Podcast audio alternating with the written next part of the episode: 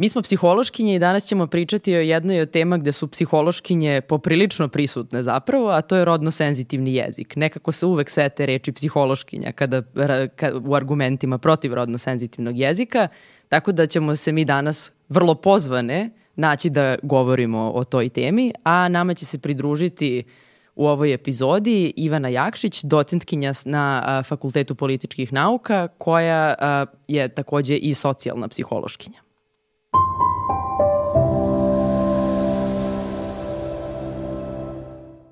Ivana, šta si ti po profesiji? Uh, socijalna psihološkinja. I ja isto, a ti Ksenija? Ja sam kognitivna psihološkinja, psiholingvistkinja. So, psiholingvistkinjakinja? Tako je. e, a koliko često kažete ljudima da ste psiholog, a ne psihološkinja? Vam se dešava?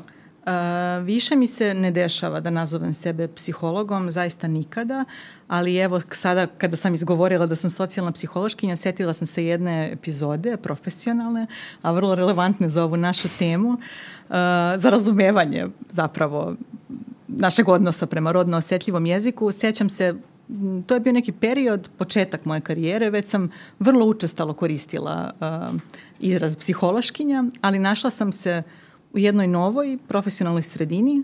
Uh, gostovala sam na predavanju, radilo se čak i o nekom feminističkom seminaru, dakle to je, to je bila baš ta publika koja ima vrlo razumevanja uh, za temu rodno osetljivog jezika. Ja sam tada, da li sam da li sam tek recimo počela doktorat ili sam bila na sredini doktorata, ali da, već sam tada počela da se profilišem kao socijalna psihološkinja.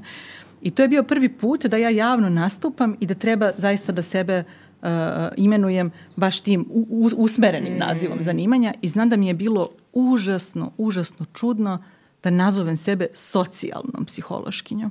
Dakle, pre, prešla sam tu barijeru i tekako sam bila psihološkinja, imala sam vrlo jasne razloge zašto sebe tako oslovljavam, ali onda tu narednu, da nazovem sebe socijalnom mm. psihološkinjom, zašto? Jer nikada ranije zapravo nisam čula da je iko ikada sebe oslovio socijalnom psihološkinjom. I zastala sam i moram da priznam da mi je, bilo mi je neobično, čak i pomalo neprijatno u tom trenutku da se tako baš nazovem, ali već drugi i treći put ta barijera je nestala i da, tako da sada zaista sa ponosnom mogu da kažem da sam socijalna psihološkinja. Mislim da je to zapravo dobra ilustracija toga kako, kako novi pojmovi sada i mimo rodno senzitivnog jezika ulaze u jezik. Mislim mm -hmm. da je mhm. ova, ovaj primer zapravo savršeni primer o kome možemo ono danas da pričamo verovatno satima mm. kao šta, šta se dešavalo sa bilo kojom reči koja uđe u mm. jezik naravno, a posebno sada kada koristimo ove već postojeće reči u suštini kojih se svi nekako gnušaju.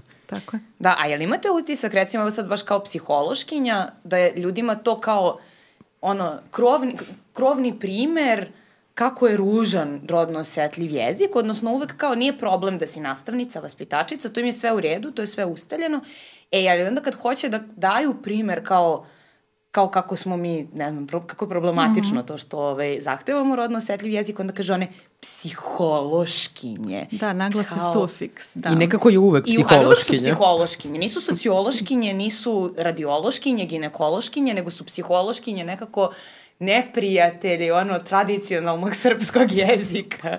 E, da, da, verovatno možemo da analiziramo sada zašto je, zašto je to tako. E, nisam duboko promišljala zašto smo mi, mi baš kao, kao profesija na tapetu, ali šta bi mi bile neke prve asocijacije, mislim da smo mi vrlo glasne u zagovaranju ove politike, politike rodno osetljivog jezika i da smo nekako i vrednosti naše profesije jesu to da moramo biti otvoreni e, za, za promene, da moramo raditi, e, e, da se prosto inače se zalažemo za neke progresivne društvene politike koje bi trebalo da služe na korist celokupnoj zajednici. Onda smo mi uvek tu nekako, to su i vrednosti naše profesije, dobrobit zajednice zajednice i dobrobit pojedinaca i pojedinki. I da, onda smo nekako i prvi upoznati sa takvim, mm. sa takvim mm. društvenim promenama. E, razumemo, čini mi se bolje nego neke druge profesije zašto, zaš, zašto načelno progresivne društvene promene nailaze na otpore i onda smo zbog toga nekako i spremnije da, spremnije da ih prigrlimo. I da, mislim da, da u, u poređenju sa drugim profesijama vrlo uh, uh, vrlo ponosno ističemo i svoj ženski rod kada se predstavljamo i profesionalno i mislim da je zbog toga psihološkinja postala da, ta reč na tapetu i zašto se naglašava taj sufiks ološkinja, iako i psihološki test takođe sadrži, sadrži isti taj sufiks, ali nekako nije problematično u psihološkom da, da. testu. To nije ološki test, ali žena koja se bavi psihologijom jeste ološkinja. Ne, ne, tu ima raznih asocijacija akustičke prirode, loškinja, ološkinja. Čak sam čula i primere, recimo, kada sada zagovarači drugih sufiksa, recimo mm -hmm. ica da se doda pa da bude psihologica, pa onda krenu na gica, na... Sad, mnoge su to u stvari uh, trivialni kontraargumenti, mm -hmm. da se tako izrazi. Izvini, psihologinja, gloginja, to smo da. isto imali to je isto bilo onako kao brate mili. Da, da, Ali ovo su sve izgovoreni se, primjeri. Čini se da je ovo mesto sa uh, psihološkim testom i psihološkinjom baš najzgodnije od svih mm. ovih primjera. Dakle, naravno da svi proističu iz istog mehanizma, ali ovo je baš jedno tako le, lepo mesto da, da ukažemo na dvostruke standarde i da se neko zapita šta je to što mu zapravo smeta u tim sufiksima. Da, e, i sad kao kad pričamo o tome šta nam smeta, i malo pre si pomenula kako smo mi psihološkinje najspremnije da prepoznamo otpore uh mhm. -huh. u korišćenju rodno osetljivog jezika i nekako da ih, da pređemo preko njih. Uh mhm. -huh. Koji to otpori, dakle, vrlo je jasno da ljudi imaju otpor, jel tako, da koriste rodno mhm. osetljiv jezik, e, ali odakle nam ti otpori? E, napašćemo to veliko pitanje i znam da se sve radujemo da pokušamo nekako da razlučimo šta su ti, šta su ti uzroci, to je, to, je naša, to je naša profesija, da razumemo zašto se ljudi ponašaju tako kako se ponašaju, pa između ostalog i zašto imaju otpore prema nekim politikama koje neko donosi sa najboljim namerom da unapredi da unapredi život jedne zajednice, ali tako. E, ali bih voljela prvo da adresiram to pitanje koliki su zapravo ti otpori. Mm -hmm. Ja mhm, moram da mhm. istaknem mm -hmm. da mi nemamo reprezentativne podatke Dakle, čim neko pitanje nije dovoljno ni istraženo, to nam takođe govori o tome koji je značaj tog pitanja u nekom društvu. Da. Dakle, mi nemamo reprezentativne podatke o tome koliko su zapravo negativni stavovi uh, ljudi prema rodno osetljivom jeziku. Ono što mi imamo jeste jedna vrlo zapaljiva društvena debata koju mediji često potpiruju. Ja moram da kažem da je meni neobično drago što sam sada ovde sa koleginicama gde ćemo zaista pokušati da objasnimo šta, šta je racionala ove politike i kako nekako možemo da raskravimo te otpore ukoliko se složimo da ona treba da proizvede neke pozitivne, pozitivne promene. E, ali da, često je u medijima to vrlo, vrlo zapaljivo. Ja sam imala prilike da gostujem uvek tako, dakle sa nekom vrlo izraženom opozicijom ovoj politi politici i to ne uvek sa, sa, sa, sa opozicijom ovoj politici koja dolazi iz neke stručne javnosti. Jednom sam recimo gostovala sa advokatom recimo, mm -hmm. koji, dakle, zaista pro, prosto argumenti koje mi koristimo ne mogu nigde da se pomire, ali je medijima vrlo to interesantno i time stvaraju taj privid neke, neke lažne ekvivalentnosti između mojih i njegovih argumenta i zato su nam vrlo korisni korisni ovakvi, ovakvi, ovakvi razgovori. E, ta, tako da da, dakle, imamo taj privid da je to nešto čemu se narod vrlo, vrlo protivi. Vrlo važne institucije u našoj zemlji se vrlo protive ovoj politici. Dakle, Srpska pravoslavna crkva kao, kao, kao verovatno i najuticajnija među njima. I zaista mi ostajemo sa nekim utiskom da je to nešto što nikako ne, ne, ne, što, što nikako ne može imati prođu u, nekoj, u, u našem društvu u celini i u zajednici. Uh, mi nemamo podatke koji pokazuju tako nešto. I podatke koje sam ja pokušala da, da prikupim mi oslikavaju jednu malo pozitivniju sliku. Dakle, mm -hmm. opet ni, moji podaci nisu reprezentativni, oni su nam potrebni da bismo imali, imali jedan pun uvid u to šta je zapravo, kako ljudi doživljavaju ova, ovu politiku i, i, i zašto, zašto imaju pozitivne ili negativne stavove, ali zapravo ti stavovi nisu toliko negativni, postoji puno prostora uh, postoji puno prostora da se oni i pomere ka pozitivnijim. Ono što karakteriše, ono što ljudi saopštavaju, naravno u sve ograde, da ljudi često i socijalno poželjno odgovaraju na naše psihološke upitnike i ostalo, čini se da oni zapravo ne razumeju šta je svrha te politike.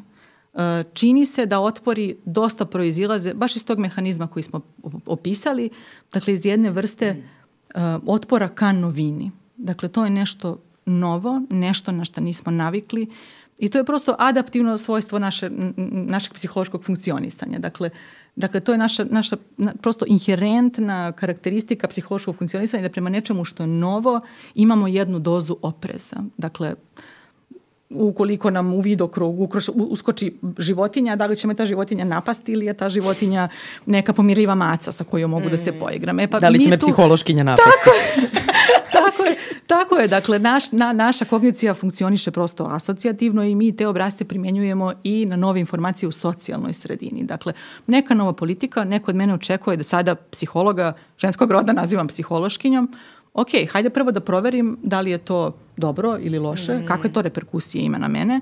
I druga stvar, dakle, ne samo da je novina, pa smo skeptični prema novinama, inherentno, već se kosi sa nekim našim ustaljenim navikama. Dakle, ono što postoji u našoj socijalnoj realnosti je ono što takođe naša kognicija opaža kao dobro i opravdano. Ukoliko je u našoj socijalnoj realnosti do sada žena koja se bavi psihologijom bila samo psiholog, Pa da, dakle, morat ćemo da uložimo nešto truda da bismo prevazišli da bismo prevazišli prosto taj otpor koji proizilazi iz same, iz same uh, navike.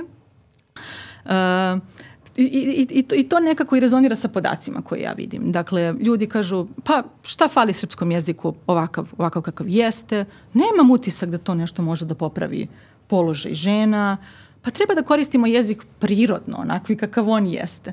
I mislim da, da, da, da ono što Ono što predstavlja problem možda za promociju ove politike jeste to što se ova problematika asocirala recimo to sa uplivom brojnih tuđica, sa osi, mhm. osiromašenjem srpskog jezika i onda se ovaj problem stavlja u isti taj koš. Dakle, nemamo srpske reči, uh, jezik nam je osiromašio, dakle ne bih sada ulazila u te rasprave, verujem da tu takođe ono, socijalni psiholozi bi imali šta da kažu, ali, ali mislim da se nekako rod, rodno osetljiv jezik asocirao sa ovim mm -hmm. problemom takođe. Onda, aha, dakle sada da li je, uh, da li je problem selfija i psihološkinje, da li je to zapravo isti problem? Mislim da ljudima koji prosto ne rezonuju po novima da se to nekako sve približilo. Ali nije problem uopšte, sad sam se toga setila, mm -hmm. imala sam to u vidu kad smo planirala ovu epizodu, ali evo, zanimljivo je sad pričaš o velikim institucijama koje se protive tome, o tom celom političkom aspektu ovog problema koji postoji i naravno i psihološkom delu. I onda sam se setila da sam ja pre nekoliko godina, pošto se, jel te, bavim psiholingvistikom, pa sam stalno u nekim rečnicima, krenula da listam rečnik Sanua i to prvi uh, tom i sad neću da uh, lupetam koje godine je izašao, ali mislim 40 plus je u pitanju mm -hmm. od mhm. kada je obrađen prvi tom koji je od, nije čak ni čitavo slovo A pokrio. I, ove, ovaj, I onda sam ja krenula da listam i negde pri samom početku imala sam neki zadatak koji sam radila, nisam listala rečnik, mm -hmm. tek mhm. tako.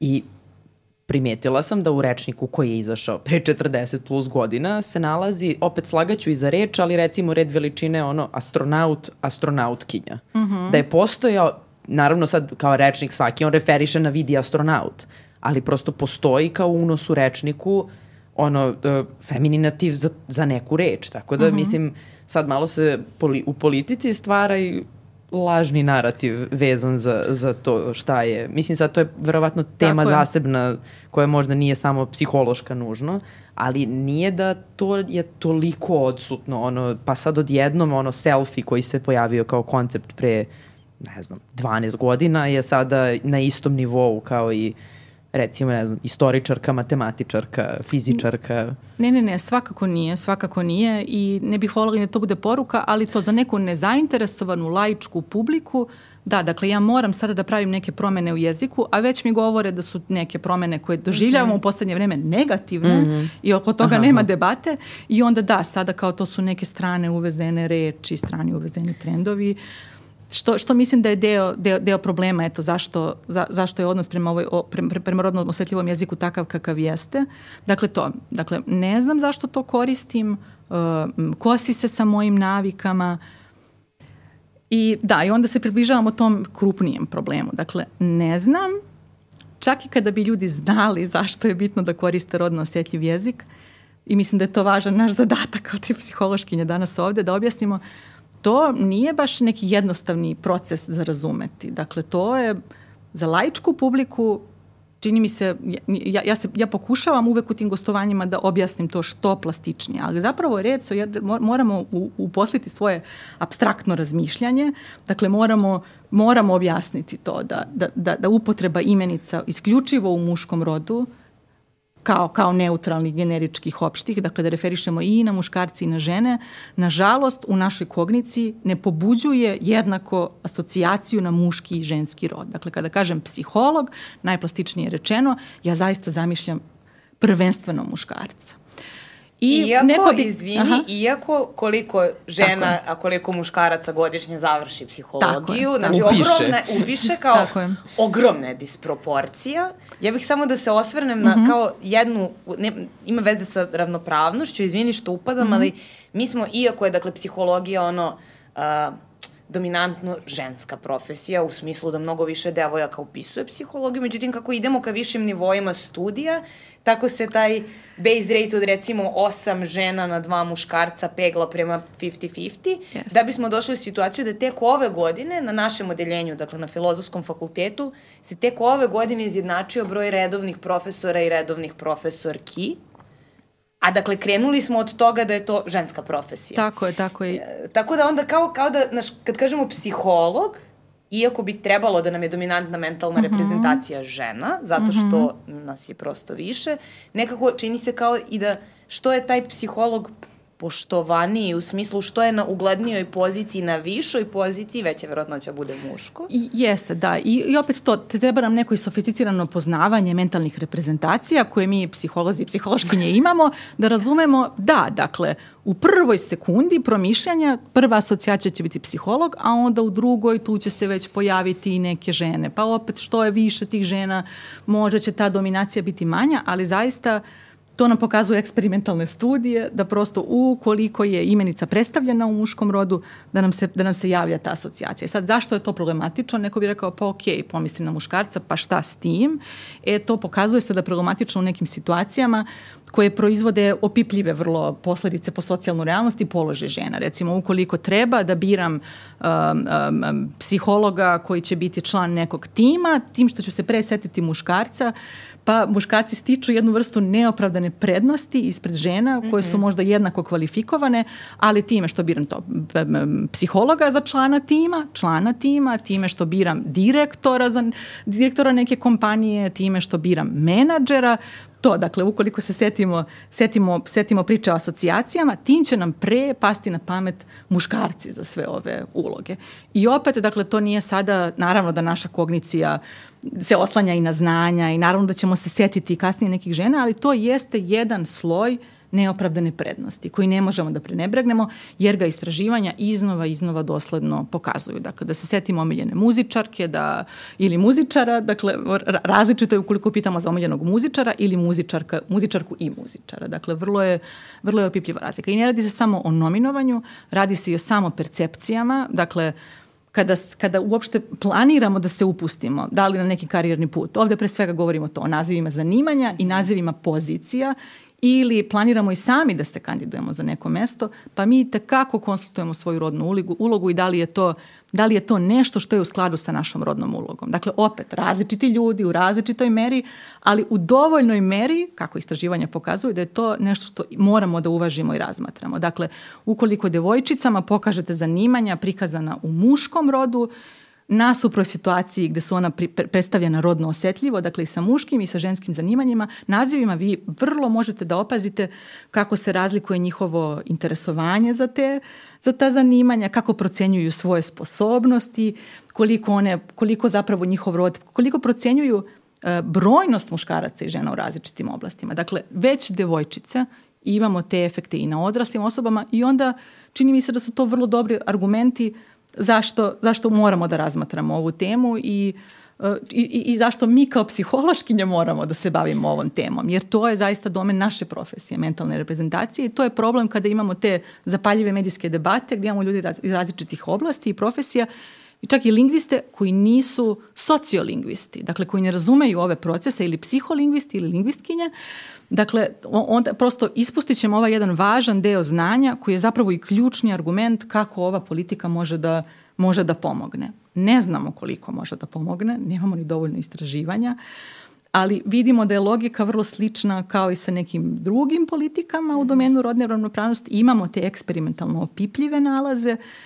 Koliko su oni značajni na, nivou, na nivou društva, ne možemo biti sigurni jer nemamo studije koje su pratile implementaciju. Ali moramo da probamo. ali moramo da probamo i to sigurno, dakle, ja ne verujem da će devojčica odustati ne, nekada u budućnosti od karijere u hirurgiji samo zato što nikada nije čula nikada nije čula za da. naziv hirurškinja, ali ono što nam ove studije pokazuju jeste da to dakle i teorijski i empirijski možemo pretpostaviti da to jeste jedan sloj koji doprinosi odlučivanju. Dakle, možda bih ne znam, možda bi bilo više žena u socijalnoj psihologiji da su češće čule za naziv socijalna psihološkinja.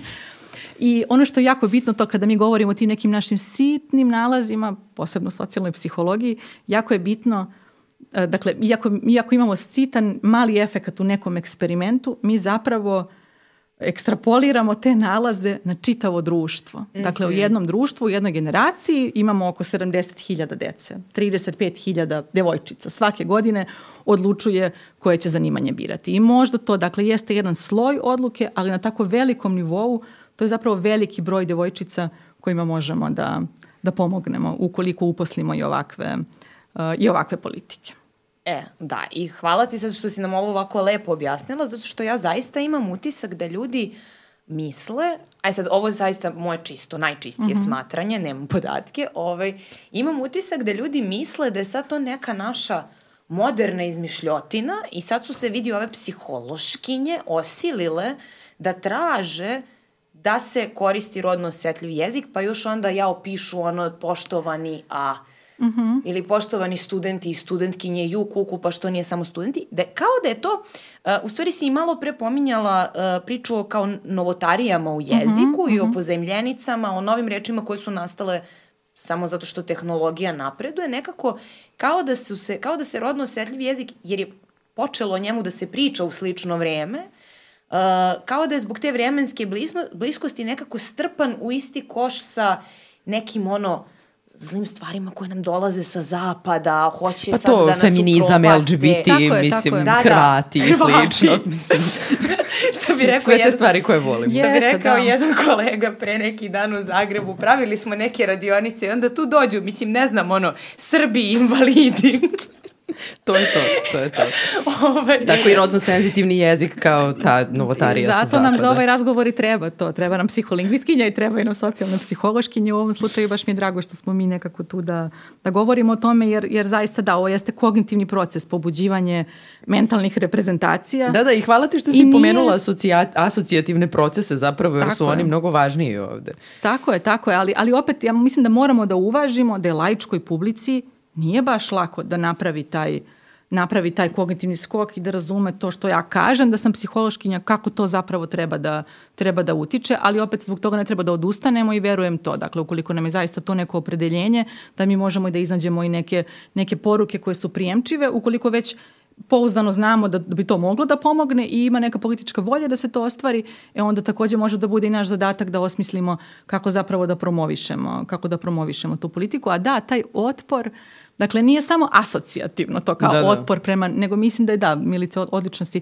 Dakle, mislim da se radi o nekom širem društvenom ko, ko, ko, ko, kontekstu, da se radi o jednom opštem antizapadnom sentimentu koji postoji kod nas. Ne znam, možda da ne ulazimo toliko, ali možemo samo da konstatujemo da da, dakle, u našem društvu postoji jedan antizapadnjački sentiment koji je vrlo povezan sa našom ne tako dalekom istorijom 90-ih, sa nekim trenutnim političkim tendencijama. Uh, ali takođe i snažan antirodni sentiment koji se širi čitavom Evropom i mislim prosto rodne, rodne politike i politike rodne ravnopravnosti su ugražene širom sveta u ovom mm -hmm. trenutku, a ovo je samo deo, samo je deo tog da, da. paketa. Da. Pa ne, I onda... jasno je, jasno je iz toga kad ti kažeš, pošto si već sama rekla da si više puta išla na, i na televiziju da mhm. razgovaraš mm. sa ljudima o, upravo o pitanju rodno senzitivnog jezika i sama činjenica da imaju isti tretman, ono kao da se čuju obe strane i onda je uvek druga strana se zna ko je. A, mislim, I uvek je glasnija. I uvek je glasnija i uvek dobije više prostora da govori. To je odlična ilustracija zapravo gde, sa čim se sve pakuje ovaj problem, jer se tačno zna koja pitanja u kojim periodima godine zavređuju 5-6 emisija, mm -hmm. mislim konkretno sada mislim oko Prajda šta se dešava, ali to nije jedina tema koja se na ovaj način tretira, a to je da ćemo mi danas ovaj, uh, danas kao ne znam, doći će neka psihološkinja ili neki predstavnik organizacije i doći će sin jednog našeg eminentnog političara, da ga sad ne imenujem ovde, da sa njima debatuje. Isto tako i ti kada mm. odeš, stavit će ispred tebe nekoga ko ima tačno nula argumenta protiv. Mada evo ja lično da priznam, ja još uvek nisam čula bilo koji relevantan argument zašto se ne treba koristiti. Znači, relevantan mm -hmm. u mhm. smislu iz domena jezika, iz domena psihologije, sociologije, nebitno, iz nekih nauka koje se zapravo ba dodiruju sa problemima koji mogu da proizađu iz korišćenja ili nekorišćenja rodno senzitivnog jezika. Ja e, još nisam imala prilike. Zato što se to svodi na da. smatranje, da. zato što kao doslovno niko nema dokaz, nego su u fazonu, ali to je sad neko skrnavljenje. Mislim, mm -hmm. kao da je, ok, ja razumem potrebu da se održi status quo, razumem potrebu da se da ostanemo u onome što nam je poznato, da plivamo kao sobstvenoj pozna, ono, poznatoj kolotečini svojih mm -hmm. mentalnih reprezentacija, ali, ove, ali zaista nekako jedini argument koji mislim, ni on ne pije vodu, ali kao koji mogu da razumem zašto ljudi povlače je pa neprirodno je. Uh mhm. -huh. I imam utisak u stvari da to kao, ta priča o neprirodnosti femininativa, na koju se inače uvek kao, mislim, ljudi koji se bave jezikom na to odgovaraju, pa da, ali kao ti ako u rečenici ne upotrebiš femininativ, ta rečenica nije skladna i nije gramatična i ne može reći psiholog je rekla. Uh mhm. -huh. Jer kao, to tek nije prirodno, ali nekako se svima prirodnije to ili da onda izvode neke ono akrobacije tipa kako beše, kako kaže jedna moja drugarica, uh, rekla mi je, na, na primjer, rekla mi je Marija, rekla mi je moj terapeut Marija i onda smo mi svi u fazonu, brate mili, misliš terapeutkinja i onda mm -hmm. ti ni ne treba ime, jer kao njoj je ime u stvari, uh, ime joj označava rod, ali ne daj Bože da kaže terapeutkinja i kao postoji neki otpor. Mm -hmm. Ove, e, ali sad sam, se, sad sam se ja previše raspričala, ono što sam htela da pomenemo ne, jeste mislim, u stvari mislim... ta neprirodnost koja se povlači kao uh mhm, -huh, argument. Uh mhm. -huh. Koliko su nama u stvari femininativi neprirodni ili prirodni?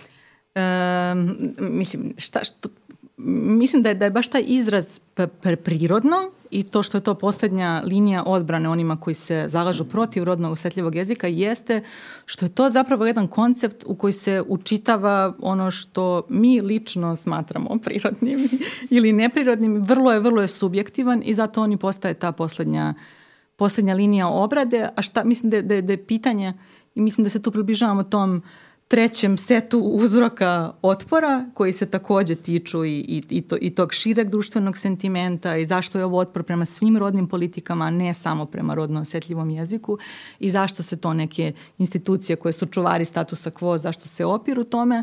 Dakle, već smo istakle to. Dakle, ljudi se opiru zato što im je novo, nepoznato, ne znaju za, baš zašto da koriste. U nekim slučajevima ti argumenti mogu biti i racionalizacije. Jedne vrste straha iz koje ovi otpori proizilaze. Kakva je to, strah? Kakva je to vrsta straha? Da, dakle, to je jedan vrlo poznati strah. Strah, dakle, imamo, imali smo i taj strah od novina, to je u redu, ali ovde govorimo, bar mi kao socijalne psihološkinje, moramo da istaknemo da to zaista jeste jedan strah od promene društvenih odnosa od promene društvenih okolnosti, društvene realnosti jedan strah da će se društvene okolnosti promeniti na taj način da će neke društvene grupe izgubiti privilegije. Dakle, u različitim međugrupnim odnosima mi opažamo taj proces i zato ga, zato ga vrlo rado primenjujemo i na terenu rodnih odnosa, odnosno odnosa muškaraca i žena. Čini se, dakle, pod jedan, ono što opažamo je to, dakle, da, je ova, da, je ova vrsta, da su ove vrste otpora izraženije kod muškaraca nego kod žena. Uh mhm. -huh iako ima nekih debata o tome u, u široj literaturi, u, u, ono, ono što opažamo kod nas zaista jeste to da muškarci imaju izraženije otpore i da, da ređe koriste rodno osetljiv jezik, rodno osetljiv jezik nego žene. Zašto bi se muškarci opirali upotrebi rodno osjetljivog jezika? Pa, dakle, ukoliko je cilj ove politike to da popravi položaj žena, da bi se položaj muškaraca i žena izjednačio, muškarci prosto moraju da se odreknu nekih svojih privilegija. Mm -hmm. I uh, to nije, moram da istaknem da, da to najčešće nije neka vrsta svesnog procesa. Dakle, nijedan, muškarci verovatno ne pitam. kažu, ne, muškarci verovatno ne kažu, a uh, evo ih zle feministkinje i sad će one meni da, da oduzmu moju poziciju na poslu, sad će mi smanjiti platu i zbog toga ću se ja protiviti rodno osetljivom jeziku. Ne, to tako ne, ne funkcioniše. Nama je Dakle, vrlo je važan deo slike o sebi da mi sebe opa, opažamo kao, kao pravedne osobe. Dakle, mm -hmm. tako da niko neće sebi priznati to. Dakle, evo ja se sada držim i grčevito branim neke svoje sebične interese. A ono što, oko čega moramo da se složimo jeste da upotreba rodno neosetljivog jezika zaista proizvodi opipljive opipljive prednosti za muškarce. Dakle, Da, da. dečaci brže uče gradivo koje je napisano rodno neosetljivim jezikom. Razumete? Dakle, to je vrlo opipljiva, opipljiva e, prednost. To, ukoliko brže novinujemo muškarca za šefa, menadžera, ukoliko se više muškaraca prijavi na oglas za programera nego na oglas za programera slash programerku, to su vrlo opipljive prednosti. Ali da, teško nam je da priznamo sebi to, da mi želimo da branimo neke sebične interese i šta onda radimo? Onda ulazimo u neke racionalizacije. Dakle, pa to je neprirodno. To je to nije potrebno. Pa muškarci i žene već imaju jednaka prava u ovom društvu. Dakle, sve su to ono što je, ono što je komplikovano u ovoj priči jeste što to mogu da budu i racionalizacije, ali zaista mogu da budu i autentična uverenja. Dakle, neko zaista može mo- možemo izostajati znanje, iako je vrlo rodno egalitarna osoba. Dakle, zaista istinski iz dubine svog bića želim da muškarci i žene budu ravnopravni, ali zaista ne razumem kako Da, da. taj rodno osjetljiv jezik to pomaže. A neko može imati taj uvid, ali je vrlo uplašen za svoje privilegije ili, još gore, ima uverenje da muškarci zaista e, samim tim što su muškarci zaista zaslužuju nešto bolje od žena. Dakle, imamo i takva uverenja u društvu i merimo ih. To, takva uverenja ima manjina. Dakle, ja moram da, da, da, da istaknem da ovim podacima kojima raspolažem, manjina muškaraca je i uplašena za svoje privilegije. Ali to jeste jedan značajan broj, značajan broj ispitanika koji izražava takve stavove i još kada, kada povežemo, kada, dakle, ta, ta, recimo da je to 30 od 100 populacije i još kada dodamo te druge društvene utice, medije, poruke koje nam stižu iz relevantnih uh, institucija od autoriteta, dakle onda je vrlo, vrlo jasno kako se takvi stavovi mogu proširiti i na deo populacije koja možda, možda nema problematična uverenja sama, sama po sebi. E da, to je, to je ono ovaj, što, hvala ti što si pomenula to u stvari, da zapravo to nije većina. I kao ja imam utisak sad dok si ti o ovome pričala,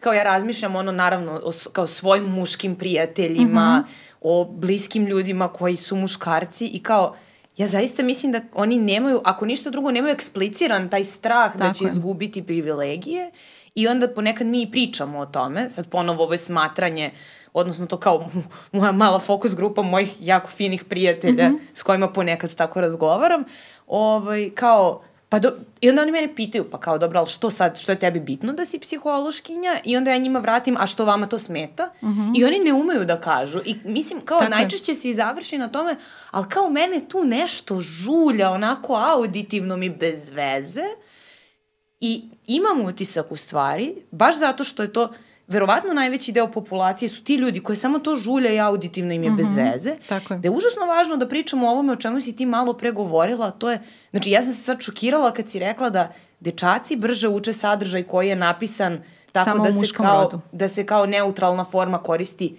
muška, muški rod, što kao, mislim, ja nisam znala za taj nalaz i moram da priznam da sam šokirana. Ali ako znamo šta je, šta je, šta je važan faktor uspešnog učenja, da je aktivno i da se mi lično povežemo da. Da. sa tim sadržajem, devojčicama je teže da se povežu sa sadržajem koji je napisan u muškom rodu. Koji nije kao što je napravljen za ženi- njih, mislim. Tako Da. je, kao što je ženi teže da se poveže sa oglasem u kom se traži programer, a ne programer slash programerka. Dakle, to je ta vrsta to je ta vrsta mehanizma. Ali znaš što bih isto voljela da dodam za privilegiju i to, dakle, i, i mislim da, da je važno ukoliko želimo da dopremo i da napravimo neku promenu, promenu, baš mi je drago da si ponovo podcrtala, dakle, to nisu neki svesni, promišljeni e, procesi. Većina muškaraca zaista nema nameru da, da unizi žene, da im oteža da, da, kao život i pohvali zli, mislim. Ne, to uopšte nije tako, ali zaista to, dakle, nekako čini mi se da je to opet neko svojstvo naše kognicije, da pojednostavljuje prosto sve te procese i ukoliko će neka politika učiniti ženama, da ženama bude bolje, kao da će automatski učiniti da muškarcima bude lošije. Dakle, kao da imamo taj zero sam način razmišljanja, a on zapravo ne funkcioniše tako u realnosti. Dakle, istina je, sve politike ravnopravnosti, bilo da su u domenu rodnih politika ili bilo kojih drugih, zaista zakidaju privilegije nekim grupama. Ali ono što je ključno da muškarci u ovom procesu čuju jeste da su to, dakle, dakle definicija privilegije je to da je ona neopravdana, dakle da nema utemeljenja. A nemaju svi muškarci neopravdane privilegije. Dakle, to je jedan Mnogi mal... ih, m, veoma ih malo to je sad ima. već jedno klasno pitanje, jel tako? E, e, um, Ali... Re, recimo, hajde da, da, da, da, da, Da ne pokušam, ulazimo. ne, da pokušam da, da ilustrujem na nekom plastičnom primjeru. Dakle, ukoliko je reč o oglasu za posao, dakle, prijavit će se neki broj žena, neki broj muškaraca i zbog ovog sloja neopravdane jezičke privilegije, moguće je da će ispod crte proći recimo dva muškarca, koja inače ne bi da su uslovi bili ravnopravni da nema da. jezičke privilegije. E, ali zbog toga što bi neka dva muškarca sada bila gurnuta ispod crte, recimo od 50 ili 100 muškaraca, svim, dakle, strah koji muškarci osjećaju da će izgubiti privilegije nije zapravo, e, nije, nije, ne korespondira sa onim šta bi bio realni gubitak privilegija. Dakle, ta da. dva muškarca bi ispala iz te gomile od sto muškaraca, a ušle jer bi neke... Jer nisu dovoljno dobri. Tako jer nisu dovoljno dobri, a ušle bi neke dve žene koje su bile dovoljno dobre, ali zbog toga što nisu uspele da se povežu, nisu imale samopouzdanja, činilo im se da nisu prihvaćene u, timo, u tom kontekstu, one zbog toga nisu prošle. Dakle, čini mi se da je to možda najplastičniji način. Dakle, mm -hmm. koji je to nivo? Dakle, Dakle, prosto to, tolika doza straha je neopravdana i mislim da se ne odnosi samo na, na rodno osetljiv jezik, nego i na većinu drugih politika rodne ravnopravnosti. Dakle, one će samo izjednačiti uslove I oni muškarci koji će izgubiti privilegije, dakle, jesu oni koji su ih prosto neopravdano i imali, dakle, nisu bili dovoljno kvalitetni. Muškarci stalno potežu to pitanje, ne zapravo muškarci, nego sve grupe koje su zapravo, koje, koje osjećaju strah od različitih afirmativnih mm -hmm. mera, mera ravnopravnosti, osjećaju to, ali šta je sa meritokratijom, šta je sa zaslugama, šta ako smo mi bolji, E, ali zapravo im fali ovaj jedan, ovaj jedan delić znanja da Niste. da shvate, da shvate kako ove vrste socijalno-psiholoških procesa uh, zapravo nekome daju neopravdanu prednost. Pa zapravo ja imam utisak da se ovo pitanje rodno-senzitivnog jezika tumači upravo to kao afirmativna mera, da neće, mislim i znam, kao imam ono, an anegdotske primere do duše, ali ljudi to tako shvataju, da zapravo to ne, ne, nije rodno senzitivni jezik da mi samo kažemo psihološkinje, nego je rodno senzitivni jezik da mi imamo ono rodne kvote pri upisima na fakultete, pri zapošljavanju, mm -hmm. pri ovome, pri onome i u stvari shvataju to kao sada ono dodeljivanje privilegija umesto ono što zapravo jeste, a to je uklanjanje ograničenja. Ispravljanje nepravde, jasno. Čak, čak ne bih išla ni toliko uh -huh. daleko da kažem ispravljanje, fakat uh -huh, jeste nepravda, ali to je zapravo samo pokušavamo da ono sklonimo prepreke.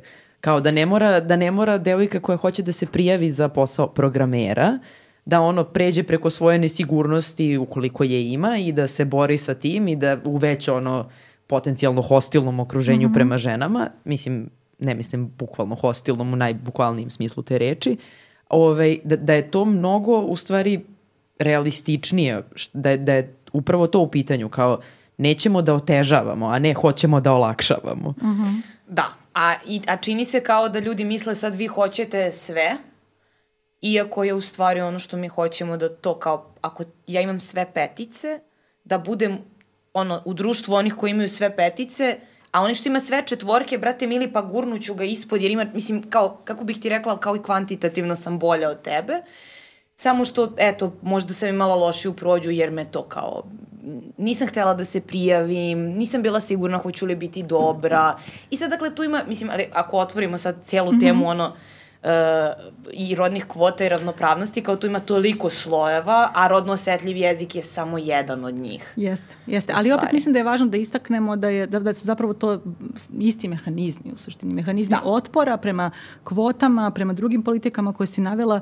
Dakle, on, oni stoje u osnovi otpora prema rodno, rodno osetljivom jeziku, s tim što ono što je možda specifično za, za jezik jeste to što se možda kači na, i na te neke uh, jezik nam je, jezik ima važno mesto u doživljaju identiteta takođe. Tako da ako imamo te neke identitetske probleme, to taj antizapadni sentiment, ako mi taj naš grupni nacionalni identitet um, ukoliko prosto razmišljamo i o tim procesima, e, onda se to otpor prema ovoj politici rodne ravnopravnosti nakači to na neke otpore prema, prema zapadu i sve vreme pokušamo da ne upadnemo u ovaj razgovor.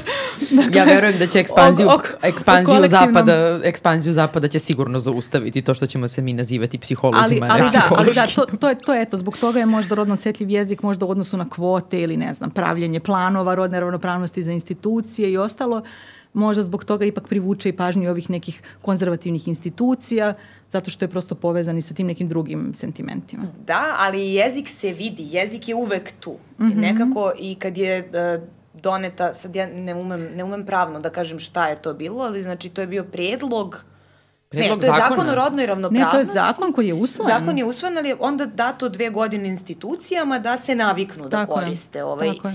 I, e, I u stvari u tom trenutku kao ti imaš situaciju, sad ja zaista ne opravdavam neupotrebu rodno osetljivog jezika, ali ti imaš situaciju u kojoj sad odjednom od tebe traže da koristiš ovaj, i muške i ženske forme paralelno i imam utisak da u odnosu na kvote i te stvari koje nekako mogu da prođu i neopaženo, ovo je sad odjednom svima neki kao, Jest. kao neki teret. I onda šta sad ti mene teraš da napišem drage koleginice i kolege kad mogu da napišem samo drage Dobro kolege? si to primetila, da. Dakle, neke politike se prosto nikad se ne moraju dotaći nas ili bar to ne uviđamo kako se neke šire politike zaista tiču i naših života. E, a ovde to da javnost ima, ima utisak da se očekuje od svih nas da, da tada moramo obavezno da koristimo rodno I da ćemo osetljiv ići u jezik. zatvor ako, ako ga ne Tako je, koristimo. tako je. A to je opet, čini mi se, gde smo kao društvo podbacili, a zato što mi se čini da ne postoji politička volja uopšte da se time bavimo, da nekako e, edukujemo javnost o tom zakonu. Dakle, sam zakon insistira na upotrebi rodno osetljivog jezika u obrazovanju, nauci i medijima. I e, postoji vrlo snažna racionalna zašto to tako treba da bude. Čini se, dakle, imamo neke studije o tome kako bismo mogli da raskravimo i da smanjimo ove otpore, čini se zapravo da je najbolja strategija da ljude prosto izlažemo rodno osetljivom jeziku. Dakle, što češće čujemo to, kao što sam ja čula psihološkinja i ponavljala, pa mi je to bilo vrlo prirodno, e, a onda mi odjednom socijalna psihološkinja, evo sad mi, da, ne mogu, sad ne mogu ni da, da prizovem to osjećanje, ali, ali, ali, ali seć, sećam se da je bilo vrlo neprijatno kada sam to morala da kažem. Dakle, ovo su uh, uh, delovi društva koji, koji, koji zapravo to izlažu društvo nekim sadržajima. Mm -hmm. Dakle, mediji bi izlagali, u obrazovanju bi deca prosto kroz obrazovni sistem bila izložena tom jeziku, u nauci, tako da to je manja je zajednica, manja je zajednica, ali opet i obrazovanje i mediji crpe, nadamo se, crpe neke informacije iz, iz akademske zajednice i zbog toga su to bili prosto delovi. I to su, kako da vam kažem, ako društvo ima neki, ne, neku političku volju, ima neke vrednosti, ima neki cilj za koji se zalaže, onda je očekivano da ih ono diseminira ka društvu i zajednici kroz ove svoje kanale, dakle, kroz medije, kroz obrazovanje i nauku. I zato je taj zakon i postavljen tako. A čini mi se to, mediji isto to vrlo zloupotrebljavaju i onda kada rade te ankete, da li biste koristili, da, šta mislite o tome da će biti kažnjavana e, neupotreba rodno osetljivog jezika, ljudi to zaista doživljavaju kao da će baš, baš se to lepo istaknuti. Jako bih dakle, voljela da, će... mi kao, kao parking kaznu, onako daju da. kaznu kada kažem psihologa, ne da, psihološkinja. zaista ta vrsta, zaista ta vrsta pritiska ne postoji i niko mudar ne bi ni, ni insistirao na, na tako nečemu, jer Oj, naravno... jer je su, je. sumarno Jer to, naravno mislim. da mislim nametnute, nametnute mere izazivaju otpor same po sebi, postoji ta psihološka reaktanca, ali, ali baš zato se išlo na edukaciju medije, dakle nešto što bi trebalo da bude u službi društva, što je odgovorno celoj zajednici. Ali da, kako stvari stoje od 2024. bi trebali da očekujemo primjenu tog zakona, prosto bilo kakva priprema je zaista izostala, otpori su samo jačali, uh, krajem prošle godine smo imali, imali smo temu da li rodno osetljiv jezik treba da uđe u učbenike, dakle zavod koji se bavi tim pitanjem je konsultovao re, referentne institucije jezičke, dakle da li ćemo to uraditi ili ne, šta su sada instrukcije koje mi treba da šaljemo izdavačima i prisetimo se zavod, odbor za standardizaciju srpskog jezika je prosto bio vrlo decidiran da da taj zakon treba zanemariti i da se prosto lingvistički stručnjaci u našoj zemlji ne slažu sa primjerom tog zakona i onda Ali su izdavači... oni smatraju, izvini, da, samo, da. samo bih samo da postavimo, oni smatraju da zakon kao koga briga za tako zakon. Je, Mislim, jako je. mi je to kao da imaju tapiju da polažu na to Tako je. da zabrane. Ne da zabrane, ali kao ne, baš te briga za zakon. Telo Ja koje sam pre svega daje preporuke, mislim. Da, ja sam razmišljala o toj tapiji koju oni polažu i, i vrlo mi je interes, i, mi voljela bih da i podelimo nekako razmišljanje o tome zašto se te institucije toliko opiru. Dakle, mi psiholozi i psihološkinje pokušavamo uvijek da se udaljimo od tih, tih ideja da tamo sede neki zli ljudi koji imaju zle namere. Dakle, ja, ja, ja pokušavam da shvatim zašto je to tako i pitam se to, dakle, da li je to zaista samo neznanje, dakle, da li su tamo, da li tamo nisu uklja, uključeni stručnjaci i stručnjakinje koji se bave sociolingvistikom i psiholingvistikom, da li je to posledica toga što tamo sedi puno muškaraca koji ne mogu da naprave puno starijih muškaraca, dakle, koji ne mogu da naprave tu distancu od nekih ličnih ličnih strahova koje ovo u njima možda eto, implicitno izaziva? Ili, ili, ili zaista te da li, da li te institucije rade možda u službi te političke volje koja je izostala prosto, pošto vidimo da je, da je izostala. Ja Ili- stvarno nisam lingvistkinja na tom nivou, ja sam pre psihološkinja pa se onda bavim jezikom, ali dovoljno znamo jeziku, da prosto, mislim, i dovoljno svi znamo o jeziku, to nije sad neko ultra stručno znanje, da ja mislim da čak ni e, eksperti i ekspertkinje koji se nalaze u odboru za standardizaciju, znaju oni da jezičkog argumenta ne postoji, jer imamo pitanje kongruencije roda u rečenici, što će, ne znam, da sam ja sada treći razred osnovne i da pišem sastav, dobila bih verovatno manju ocenu jer ne demonstriram adekvatno poznavanje srpskog jezika. Takođe imamo to da reči prosto menjaju svoje značenje. Sad pričamo o nekim opštim terminima, da kao jezik, kao jedna živa stvar se konstantno menja, da mi možemo sad da izmislimo reč i da ako se plasira kroz ovaj podcast, ona možda može i da se da se i usvoji, da počne da se koristi u jeziku, mislim i žargon i sve. Mislim, ono, padeži menjaju svoje funkcije i značenja u rečenici kroz nekoliko stotina godina, ali dolazi do takvih promena u jeziku. Tako da stvarno ono kao dodavanje jednog sufiksa zaista jezički nije toliko, ovaj, ne, ne postoji jezički argument zbog čega se to ne sme desiti. Ja razumem da odbor za standardizaciju kao neko ko definiše književni jezik, koji je norma, ali nije nešto obavezujuće, nije zakon, tako reći, ovaj, mora da ima neki stav o tome, ali taj argument mora pre svega biti lingvističke prirode mm -hmm. ili ne znam, književne prirode ili šta već, da se de definiše književni jezik. Ali to je opet interesantno zato što, mislim, postoje takođe i ono, sad malo digresiram, ali funkcionalni stilovi. Dakle, ja ću možda mo morati da koristim to na, u, kao novinarka ili u nekoj sličnoj profesiji. Ja vrlo i dalje mogu u svom svakodnevnom životu, kada sedimo samo nas tri, recimo kad završimo snimanje, da kažem da sam ja psiholog, jer to neće imati nikakvog odjeka nigde. Mm -hmm. Nije da mi se ne dešava da mi nekad izleti, prosto ne razmišljam. Ili prosto nekad i kad ne razmišljam izađe mi psihološkinja ali kao to je potpuno prirodan proces u jeziku, mislim. I meni je bilo čudno, to si malo pre pomenula kao psihološkinja koja se uslovno rečeno relativno skoro pojavila. To se nije koristilo kad sam ja upisala faks i ti. Pa, odnosno, tad je, kren, tad je krenula Krenulo sad ta polako. cijela priča mm -hmm. i ja se sećam da je u stvari bila priča uh, da su, valjda na sociologiji je postojala neka grupa pa je bilo sociološkinje i sociološi I onda je to kao bila sprdnja, ali kao vrlo, vrlo zezanje i kao vrlo su ti ljudi bili svesni šta rade i kao... A mislim, mi pričamo o rasponu 10 godina. Znači, da, mi smo upisale faks pre tačno 10 godina. Ovaj, e, ali se sećam da je tad bila priča, ne, nekako se potkralo da je jako bilo poželjno da mi sebe nazivamo psihološkinjama i da bilo je užasno neobično. Da, da, da, baš, baš sam i ja imala taj kao ono novelty efekat. Da, ali kao koliko ti je trebalo? Mislim, ja sam pre diplome bila u fazonu ma psihološkinja. Ne, ne, ne, Mislim- nemam osjećaj Znači, kao... tada je već u, u, u, u vašoj studijskoj grupi, dakle, već je uspostavljena je norma da je to nešto što je socijalno poželjno. Ja čak nemam utisak da postoji neka grupa u kojoj se to, to se Aha. samo nekako desilo. Mi, Da. Ja ne znam, ja ne, ne mogu Jer sad da, da, to rekonstruišem. nije, to nije bilo baš tako kada sam ja studirala. Ja se sećam, ja mislim, m, p- prošlo je dovoljno vremena da mi je da mi je sada već teško zapravo da, da rekreiram u svesti te procese kroz koje sam prolazila, ali i to, dakle, pokušavam sebi da govorim kako si ti, Ivana, počela sebe da nazivaš psihološkinjom, šta se desilo. Jedino što mogu da kažem da to jeste bio neki period mog feminističkog buđenja, eto tako da kažem, da sam shvatila, da, kao da sam nešto naučila ovim procesima, da sam shvatila to da rodna hijerarhija prosto je činjenica i realnost i to da je ženama zaista teže u ovom društvu i da nemaju iste mogućnosti, a tek ne iste ishode u društvu.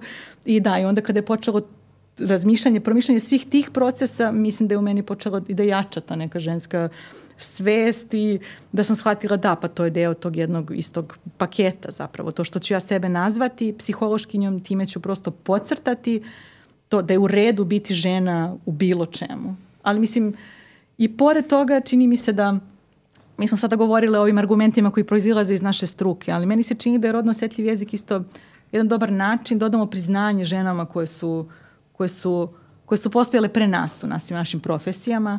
Dakle, nekada ih prosto nije bilo. Dakle, to što nas sada ima ovoliko ne znači da neke nisu bile pionirke u toj oblasti, onda je to, kada kažem psihološkinja, to je na neki način i priznanje i priznanje njima. njima. Iako da, ne, ne, ne korespondira mnogo sa, sa ovim procesima o kojoj sada priča, pričamo, mm zašto je to važno i kako redukuje diskriminaciju. E, a sad, sad dok, sam, dok sam ovo izgovarala, setila sam se zapravo šta je argument, e, recimo, bio odbora za Aha. standardizaciju jezika. Da, dakle, od, zapravo nije argument, već prosto to je zaključak njihov. Dakle, um, oni tvrde da rodno neosetljiv jezik ne doprinosi diskriminaciji žena. I kao to je to. Čekaj samo dupla da. negacija. Rodno neosedljiv jezik. Ne, aha, znači, Korišćenje ako, ako muških ostane, formi kao da. generičkih nije diskriminatorno. Ako sve ostane kako, kako jeste, pa u stvari Tako da, je. nema sad Tako je, onda nema okay. razloga da bilo, šta, da bilo šta menjamo. To je bio zaključak odbora za standardizaciju. Dakle, nisu se čak ni upletali, uplitali mnogo u prirodnost.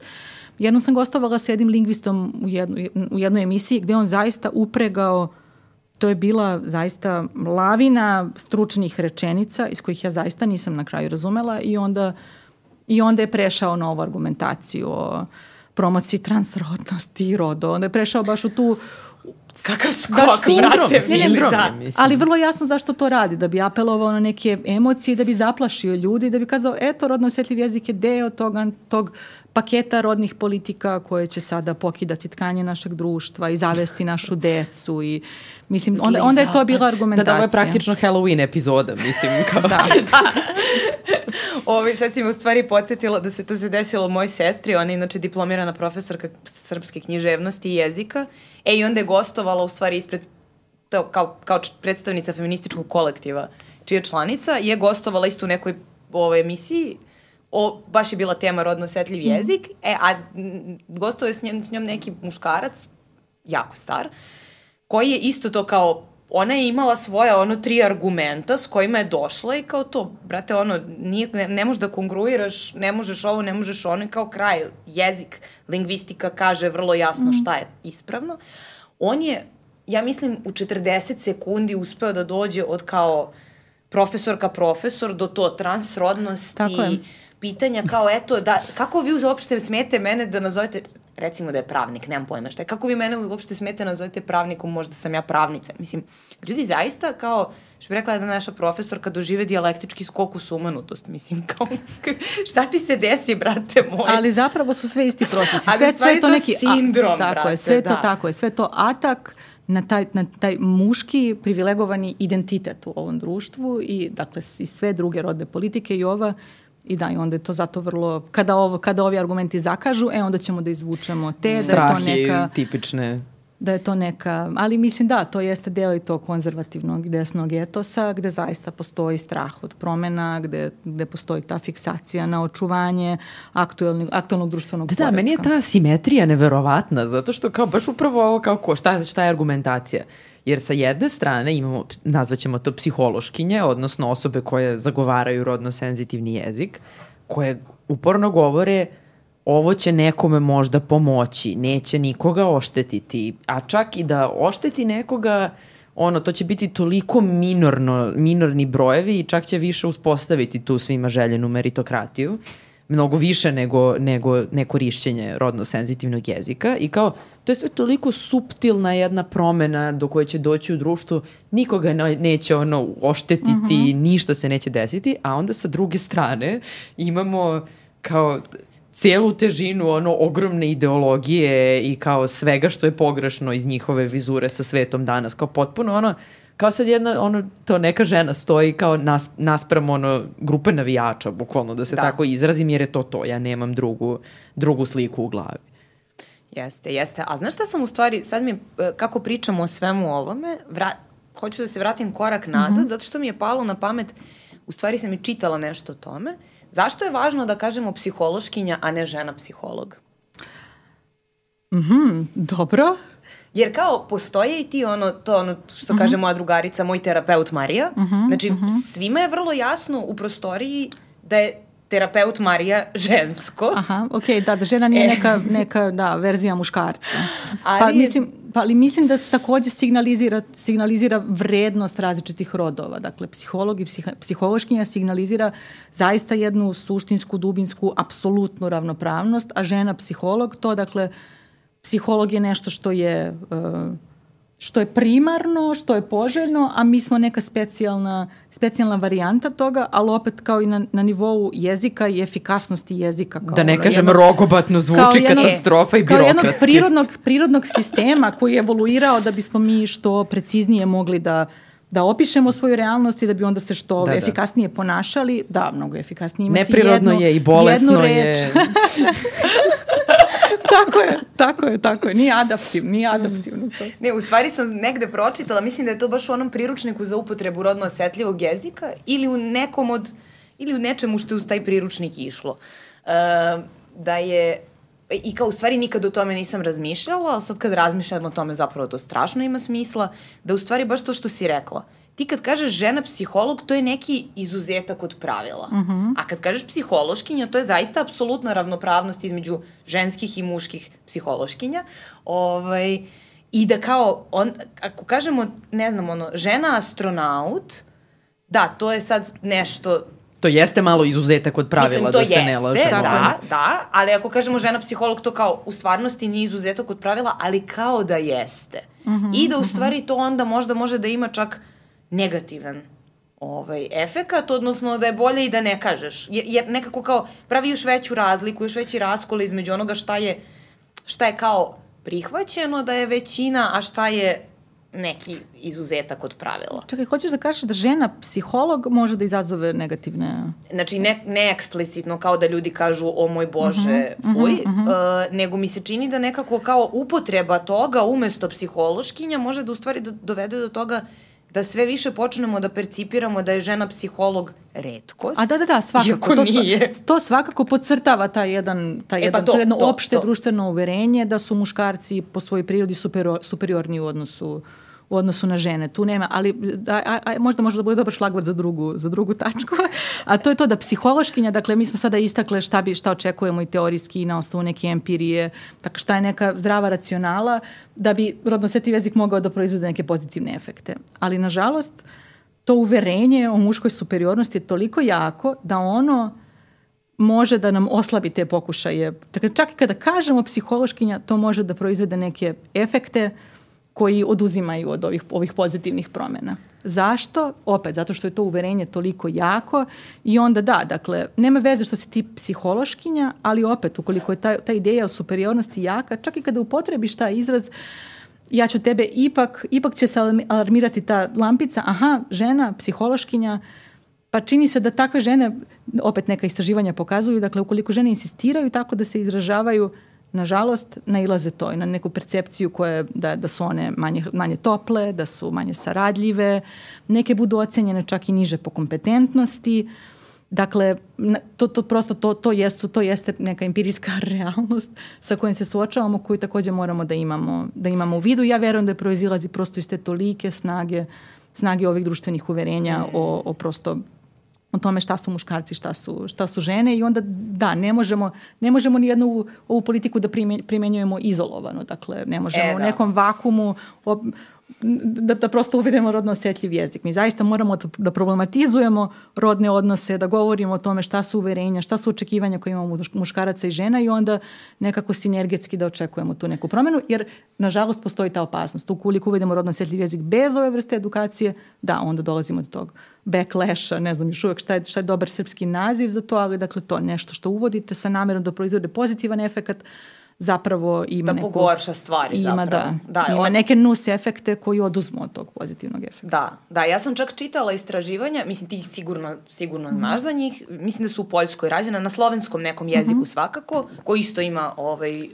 prirodni rod, uh, da u stvari um, studentkinje završnih godina psihologije odbijaju da se identifikuju, identifikuju kao psihološkinje ili sad kako Mhm. se već na poljskom to kaže. E i onda kad ih pitaju a što, one kažu pa zato što će ljudi da me vide kao manje kompetentno. Tako je. I onda se meni u stvari ne isplati da za sebe kažem da sam psihološkinja, jer time već gubimo ono neke socijalne bodove, uslovno rečeno. Tako je. To je strategija preživljavanja, I, ali mislim. to su doslovno strategije preživljavanja i onda će neko da dođe i da mi kaže pa ti sebe kad nazoveš psiholog ponekad kao to je onda internalizovana mizoginija, pa nije brate mili, nego nekad ja to stvarno moram da uradim zato što prosto kao nekad, mislim, ja zaista, ono, u svakom okruženju koje može da bude na bilo koji način neprijateljsko, kad me pitaju šta si po struci, razmislim. Jer mm -hmm. imam, kao, uvek praviš neki trade-off, pa kao nekad kažem psiholog, jer znam da ako kažem psihološkinja, to će značiti, to će imati ono gomilu posledica uh, po to kako će ti ljudi prema meni da se tako je, tako je, tako i onda kao, dobro, ajde sad ćemo ovde malo da se povučemo. Ali sama činjenica mi moramo o tome da razmišljamo stalno. E, ali to isto neke studije pokazuju da, da, da, da dakle, opet ništa nije jednostavno i situacijalno je uslovljeno, ima mnogo moderatora. Čini se da neki ljudi u različitim kontekstima upotrebljavaju ili ne upotrebljavaju rodno osjetljiv jezik, verovatno to opažajući kakve će posledice upotreba rodno osjetljivog jezika imati u pa različitim. Pa i to, tome smo i pričali u stvari dok smo se spremale za ovo, da kao je. zaista nekad, nekad to, Na vašoj moraš. studijskoj da. grupi je to očigledno bilo vrlo poželjno, ali recimo, ne znam, ukoliko biste se našli u nekom drugom da, da. okruženju gde biste opazili da to može da ima to socijalne posledice mm. negativne, možda biste se možda biste se i suzdržali, ali opet ne bih voljela sada da ostavimo uh, ne bih voljela da ostane poruka to. Dakle, postoje, postoje te, ti negativni efekti upotrebe rodnog osjetljivog jezika. Ja verujem da zaista sa velikom ekspozicijom i sa još nekim dodatnim radom da zapravo i ti sitni negativni efekti bi verovatno s vremenom nestali. Dakle, ukoliko bi to postojala i politička volja, ukoliko bi mediji to koristili, ukoliko bi to videli u učbenicima i ukoliko dovoljno puta to čujete u različitim kontekstima, onda će se zaista izgubiti izgubiti da, pa, ovaj mislim, možemo da razmišljamo u terminima, to sam se isto setila sad kao potpuno ono paralela sa, sa ovim koja na, nema baš nikako nije ideološki obojena. Ja se sećam da ne znam, kad sam ja bila ono tinejdžerka i mlađa još, recimo u žargon je ušla, sad ovo je malo okolo na okolo priča, u žargon je ušla reč bleja mm -hmm. i to je bilo, ja se sećam da je moja baba se ono sekla svaki put kad ja to kažem, šta pričaš, kako tako pričaš. Ja sada imam utisak da tu reč čujem i od mnogo starijih ljudi kojima ta reč nije ušla u adolescentnom periodu kao žargonska reč i da to više nije nikakav bauk strašan. To je samo dobra ilustracija procesa, ono, uslovno rečeno, navikavanja tako na reči koje su je. ušle u jezik.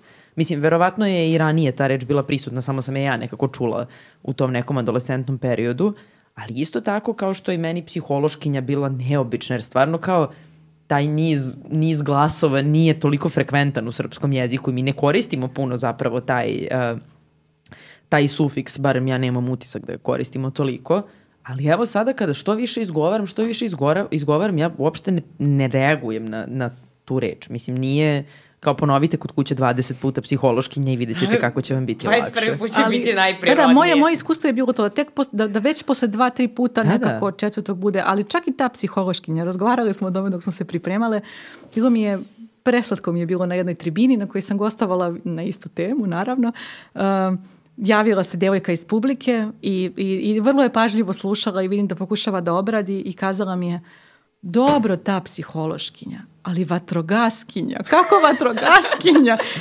I, I zato sam i počela od toga da mi zapravo, ne, majka, nam, majka nam pouzdanih podataka o tome koliko, mm. ja imam utisak takođe da je psihološkinja, iako, iako u novinarskim naslovima vidjet ćete to, zašto, zašto, šta je problem sad sa psihološkinjom, čini mi se da je ipak da se ipak nekako raširilo velikim zaslugama to naše profesionalne da, zajednice, pune žena. Da, tu problemu u stvari. I, iako da, iako zapravo da, a nismo ni u problemu tolikom. Dakle, mislim, bilo bi ako znamo šta je racionala politike, zapravo je mnogo važnije pre psihološkinja da rodno osjetljiv jezik počnu da koriste direktorke, programerke, Absolutno. inženjerke, da hi hirurškinje, jer nam tamo zapravo i dalje manjka žena, a to su pozicije moći u društvu. Dakle, to su prosto pro profesije visokog statusa, i psihologija je profesija višeg statusa u društvu, ali ovo su profesije izuzetno visokog statusa, jer ne samo da su prepoznate kao nešto važno, nego zaista donose i ekonomsku dobit veću i zato nam je bitno da imamo žene u tim oblastima da bismo, jel tako, dosegli ravnopravnost, jer se ona meri time šta je ravnopravnost, šta je rodna ravnopravnost, dakle da, da, da prosto dođemo do te, do te tačke da muškarci i žene raspolažu isto moći u društvu, dakle da, da imaju jednak status. Eto, zato, je, zato je možda i bitnije da ovim temama ne ovim temama, mi smo svakako poznali da govorimo o ovim temama, ali da rodno osjetljiv jezik usvoje i neke druge profesije.